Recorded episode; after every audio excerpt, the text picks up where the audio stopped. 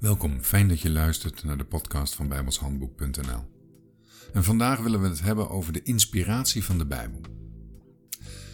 Er zijn nogal wat mensen die net als professor Kuitert, en dat is een theoloog, denken en zeggen dat alles wat wij van boven weten, van beneden hebben.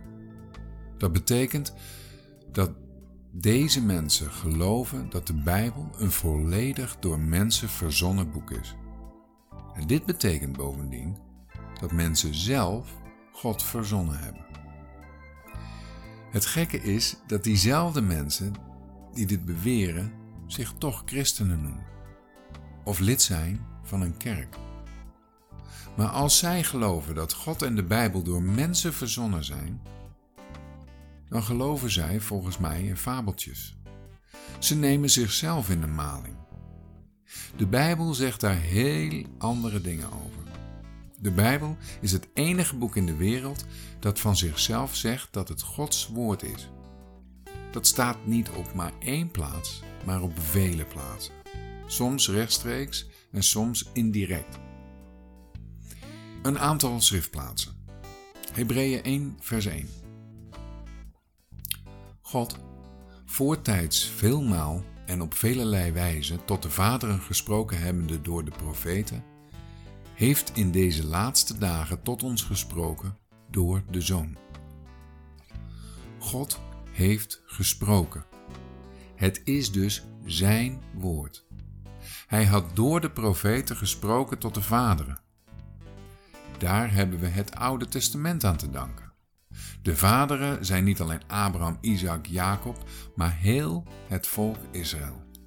De profeten van het Oude Testament spraken eigenlijk niet zelf, maar God deed dat via hun monden. Tegenwoordig spreekt Hij tot ons door de Zoon. Daar hebben we het Nieuwe Testament aan te danken.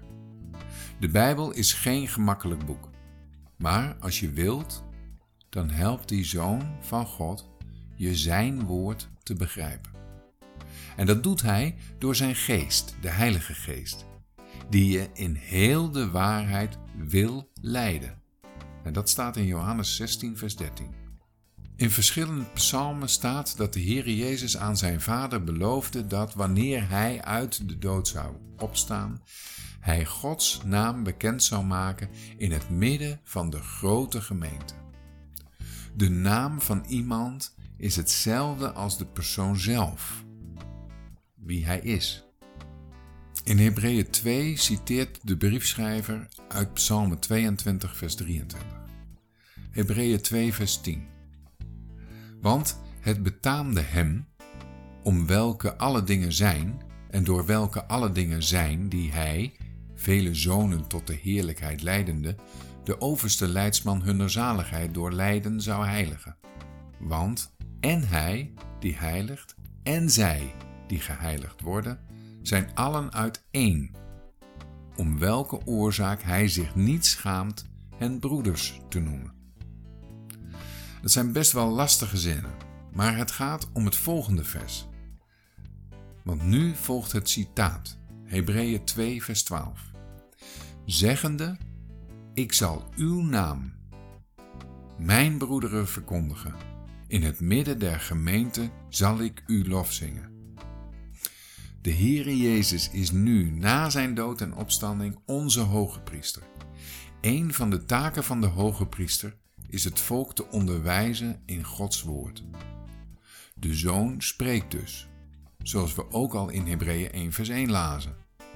Hij maakt Gods naam bekend aan degenen die naar Hem willen luisteren. Luisteren is hetzelfde als horen horig zijn, dus gehoorzaam zijn. En dat is weer hetzelfde als gewoon geloven wat God gezegd heeft in Zijn woord. Zoals we gezien hebben, sprak God in het verleden door profeten, maar nu door Zijn Zoon. De profeten zijn niet alleen Jesaja, Jeremia enzovoort enzovoort, maar ook Mozes, David en noem maar op. In heel de Bijbel spreekt God over zichzelf en over de Heere Jezus Christus, Zijn Zoon.